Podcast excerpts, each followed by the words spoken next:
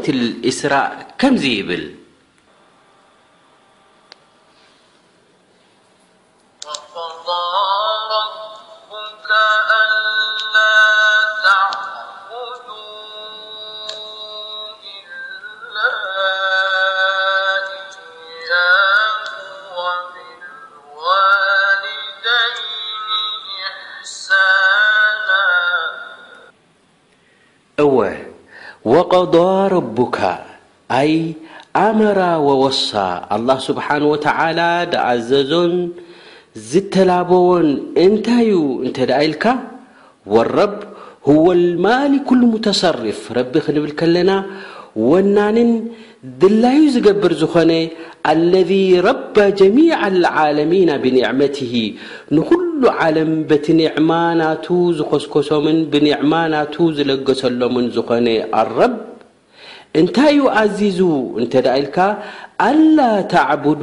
ኢላ እያህ፣ ኣይ ኣን ተዕቡዱሁ ወላ ተዕቡዱ ገይረሁ፣ ንዕኡ ወይ ድማ ንዓይ ንብሕተይ ተገዝኡኒ፣ ምሳይ ሽርካ ኣይትሓውሱ ይብል ኣላሁ ዓዘ ወጀል። እወ እዛ ኣያ እዚኣ ዓባይ ዝኾነት ኣያ እያ። ኣመረ ወወሰ ዓላ ኣልሱኒ ሩሱሊሂ ኣላህ ስብሓነሁ ወተዓላ ኣብ ኩሎም ነብያት ትእዛዝ ዝነበረ እንታይ እዩ ልኢኹ እንተ ኢልካ ኣን ያዕቡዱሁ ዋሕደሁ ዱነ ማ ሲዋህ ነብያት ንሓደ ኣላህ ንሓደ ኣምላኽ ተገዝኡ ኢኹም ንዕኡ ጥራሕ ንብሕቱ ኣምልኽዎ ኢኹም እናበሉ ከምኡ ውን ንወለዲ እውን ሰናይ ግበሩ ኢኹም እናበሉ እዮም ዝእዝዙ ዝነበሩ ይብለና ማለት እዩ። ስለዚ እዚ ተውሒድ እዚ ህወ ኣከዱል ሕቁቅ ወኣውጀቡል ዋጅባት እቲ ናይ ብሓቂ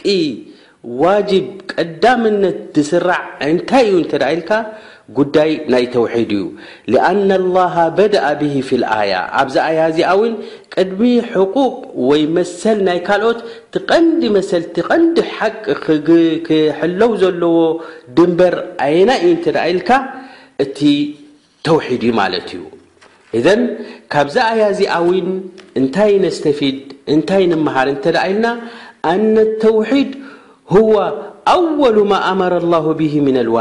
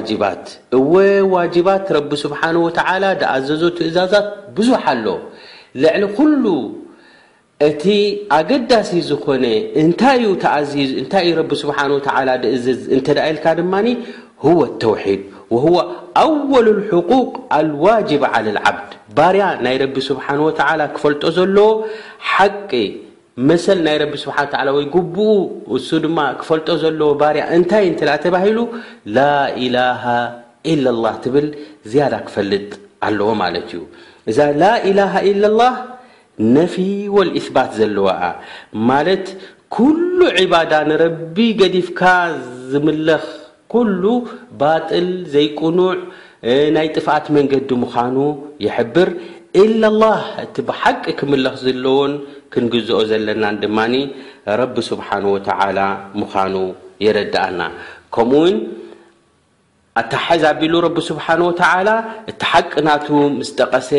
ወሓቂ ልዋሊዴን እውን ጠቒሱ ማለት እዩ ኣላ ተዕቡዱ ኢላ እያህ ምስ በለ ወቢልዋሊደይኒ እሕሳና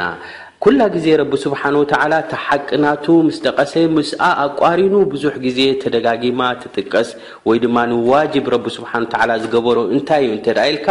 ህወ ሓቂ ልዋሊደይን በዚ ኣጋጣሚ እውን መሰል ናይ ወለዲ ሓቂ ናይ ወለዲ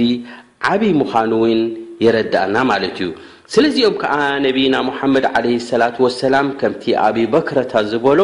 ሓደ እዋን ከምዚ ኢሎም ኣላ ኡነቢኡኩም ቢኣክበሪል ከባኢር ናይ ዓበይቲ ዘንብታት እቲ ዝዓበየ እንታይ ምኻኑ ክሕብረኩም ዶ ኢሎም ሰለስተ ግዜ ነዛ ቃል እዚኣ ደጊሞም እሞኒ ንሕና ድማ በላ ያረሱሉላህ እወ ንገሩና ምስ በልናዮም ቃል ኣልእሽራኩ ቢላህ ወዕቁቅ ልዋሊደይን ኢሎም ኣነቢ ዓለይሂ ሰላቱ ወሰላም ንኣላህ ሱብሓነሁ ወተዓላ ሽርካ ክትገብረሉ እዚ ናይቲ ዓበይቲ ዘንብታት ዝዓበየ እዩ ካብዚ ዝበኣሰን ካብዚ ዝዓቢን ካብዚ ዘኸፍእን ዘንቢ የለን ኢሎም ጠቂሶም ምስ ኣቋሪኖም ድማ ወዕቁቅ ልዋሊደይን ኢሎም ማለት እዩ ስለዚ ኣገዳስነትን ዕብየትን ናይ ተውሒድ